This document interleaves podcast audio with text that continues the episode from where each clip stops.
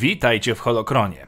Dzisiaj zajrzymy do legend, a konkretniej dowiemy się więcej o postaci niejakiej Vergerer, która z bycia potężną Jedi stała się Sithem, przy okazji wywołując wiele kontrowersji wśród czytelników o jej przygodach. Dlaczego tak się stało? Zapraszam na odcinek, by się przekonać. Niemal natychmiast po tym, jak się wykluła, Vergerer została wzięta pod skrzydła mistrzyni Jedi Traci Cholim, która rozpoczęła jej trening na rycerza Jedi po ścieżkach mocy. W 33 roku przed bitwą Yavin, Vergerer była częścią grupy zadaniowej Jedi wysłanej na Asmeru przez najwyższego kanclerza Finisa Valoruma w celu schwytania przywódcy frontu Mgławicy. Według relacji przekazanej przez Lumię Jasonowi Solo dziesiątki lat później, Vergerer miała być uczennicą nie do końca uczciwą. Potajemnie studiowała zakazane lub nie wchodzące w zakres doktryn Jedi nauki. Badać miała innych Jedi, którzy zboczyli ze ścieżki zakonu, m.in. hrabiego Duku. To wszystko miało zaprowadzić ją prosto w mrok, pod skrzydła samego Darth Sidiousa. Niektórzy sądzili, że była też szpiegiem Sithów ale aby w pełni zrozumieć jej intencje, należy cofnąć się do 30 roku przed bitwą o Jawin, kiedy młoda jeszcze Vergerer została wysłana na piękną i tajemniczą planetę Zonam Sekot. Na miejscu po raz pierwszy spotkała przerażającą rasę Yuzan Wongów, którzy przybyli na to miejsce, by zrozumieć sekrety organicznej technologii. Jako jedna z pierwszych poznała pochodzącą z innej galaktyki obcych. Verger dowiedziała się, że Yuzang Wong pragnie rządzić czymś więcej niż tylko Zonam Sekot. Mieli nadzieję kontrolować galaktykę. Republice groził frontalny atak, jednak Verger postawiła propozycję. Odejdzie z nimi, jeżeli powstrzymają się z atakiem.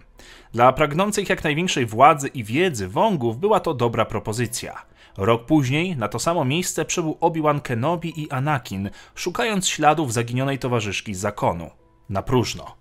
Jednak jej zaginięcie było jednym z powodów dla uruchomienia projektu lotu pozagalaktycznego, aby zbadać nieznane rejony i być może odnaleźć zaginioną Jedi. Przez następne 50 lat Verger mieszkała z Wongami, ucząc ich o Republice i Jedi, jednocześnie potajemnie zbierając informacje o swoich ciemiężycielach. Verger była w stanie uniknąć wykrycia w mocy przez innych Jedi dzięki naukom koordynatorów wojennych, tak zwanych jamosków, którzy pokazali jej techniki, jak to sami nazywali, stania się małym w mocy. Jej obecność w mocy była mikroskopijna, przez co prawie niezauważalna. Ponadto Jedi zniszczyła również swój miecz świetlny, ukrywając przynależność do zakonu Jedi. Kiedy Yuzan Wong postanowili rozpocząć inwazję na znaną nam galaktykę, Verger stawała się powoli zwolenniczką ciemnej strony. Do tego stopnia, że gdy spotkała na swojej drodze Jasona Solo, skupiła się na tym, aby jego również uczynić lordem Sithów, ale o tym zaraz. Niedługo potem poznała zresztą Hanna Solo i w wyniku pewnych wydarzeń, które poznacie z książek serii Nowa Era Jedi, przekazała mu w fiolce swoje łzy, które potem pomogły Marze Jade w walce z groźną chorobą. Następnie Verger nawiązała kontakt z Lumią, samozwańczą mroczną panią Sithów i wyszkoliła ją na prawdziwego Sita. Wydarzenia z tego okresu są jednak niejasne i pochodzą z dwóch źródeł. Jedno od Lumii, drugie zaś od jej rywali, wyznawców nowego zakonu Sithów. Według Lumii, ona i Verger omawiały możliwość stworzenia nowego Lorda Sithów, odrzucając Luka Skywalkera jako zbyt dogmatycznego, Leję Organę Solo jako zbyt przestraszoną swojego ojca, Jane Solo jako zbyt emocjonalną, Mary Jade za zbyt przywiązaną, a Kypa Durona za zbyt nieprzewidywalnego i upartego. W końcu zdecydowali się na Jasona Solo. Według wersji nowego zakonu Sithów inicjatywa w tym zakresie wyszła od Lumii, która argumentowała Verger zagrożeniem zagrożenie, jakie niesie ze sobą nowy zakon Jedi, ale to już nieco inna historia. W tym wszystkim prawdziwe intencje Verger były dość niejasne. Z jednej strony dogadała się z Lumią, która była przeciwna nowemu zakonowi Sithów na Korribanie, a następnie zdecydowała ponownie przeszkolić Jasona wbrew ich własnym planom. Verger w końcu wróciła do swoich oprawców, stając się doradcą mistrza wojny, a przy okazji ostatecznie porywając i łamiąc ducha młodego Jasona, który stał się teraz jej uczniem.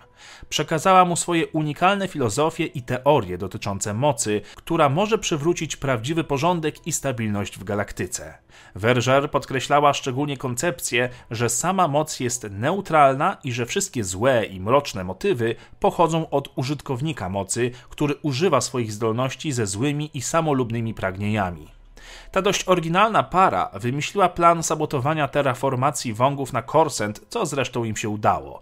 Oni sami zaś uciekli z Korsent i wrócili do tego, co zostało z Nowej Republiki. Podejrzliwe co do jej motywów, władze Nowej Republiki uwięziły ją na pewien czas, ustalając, czy jest uciekinierką, czy szpiegiem. Podczas swojego internowania Verger odbyła kilka rozmów z Lukiem na temat natury mocy.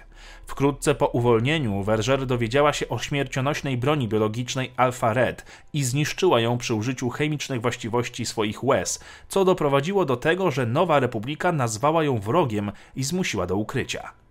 Verger umykała Republice i potajemnie spotykała się z Jasonem Solo, by dalej walczyć przeciwko najeźdźcom z innej galaktyki. W końcu doszło do konfliktu o Ibak 9, podczas którego bohaterka wyczuła, że Jason jest w śmiertelnym niebezpieczeństwie. Ukradła więc myśliwiec A-Wing, którym samobójczo rozbiła się ostatek wroga, zabijając cały legion wrogów na pokładzie, który zagrażał Solo. Będąc Sitem, poświęciła się, by ratować własnego ucznia.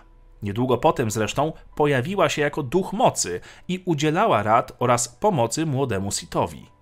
Jak wspomniałem, postać naszej bohaterki wywołała pewne zamieszanie wśród fanów. Verger mocno różniła się od zakonu Jedi zarówno w swoich działaniach, jak i przekonaniach. Pozwoliła wągom torturować uwięzionego Jasona Solo, wątpiła w korupcyjne skutki ciemnej strony i krytykowała zakon. Część książek wyjaśnia, że jej sposób był podyktowany dobrem Jasona i tylko poprzez ból mógł on zrozumieć prawdziwą naturę mocy. Nie wiadomo też, gdzie i jak Verger miałaby przejść szkolenie na Sita. Jedynymi z uniwersum osobami, które twierdzą, że nim była, to Lumia i nowy zakon Sithów. Z kolei przewodnik Jedi vs. Sith The Essential Guide to the Force stwierdza, że członkowie nowego zakonu Jedi, którzy nie mieli kontaktu z Lumią ani jej historią, również wierzyli, że Stała się Sithem. Całe to zamieszanie jest być może dość zagmatwane i chaotyczne, ale jednocześnie sprawia, że postać ta jest bardzo ciekawa, nawet jeżeli wynika to z pomyłek scenarzystów. I to wszystko na dzisiaj. Dziękuję Wam za oglądanie. Zostawcie proszę komentarz oraz suba na kanale, jeżeli chcecie więcej odcinków. Dziękuję patronom za wsparcie i oczywiście niech moc zawsze będzie z Wami. Odcinek powstał dzięki wsparciu następujących patronów. Dziękuję Wam i niech moc zawsze będzie z Wami.